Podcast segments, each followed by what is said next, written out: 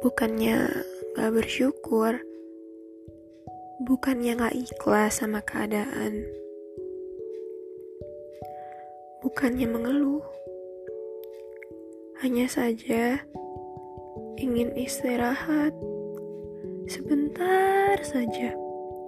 Dari aku yang pura-pura kuat dengan semua ini.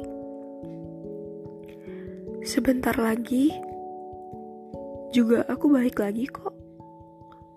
Aku bakalan balik lagi jadi seperti yang semula.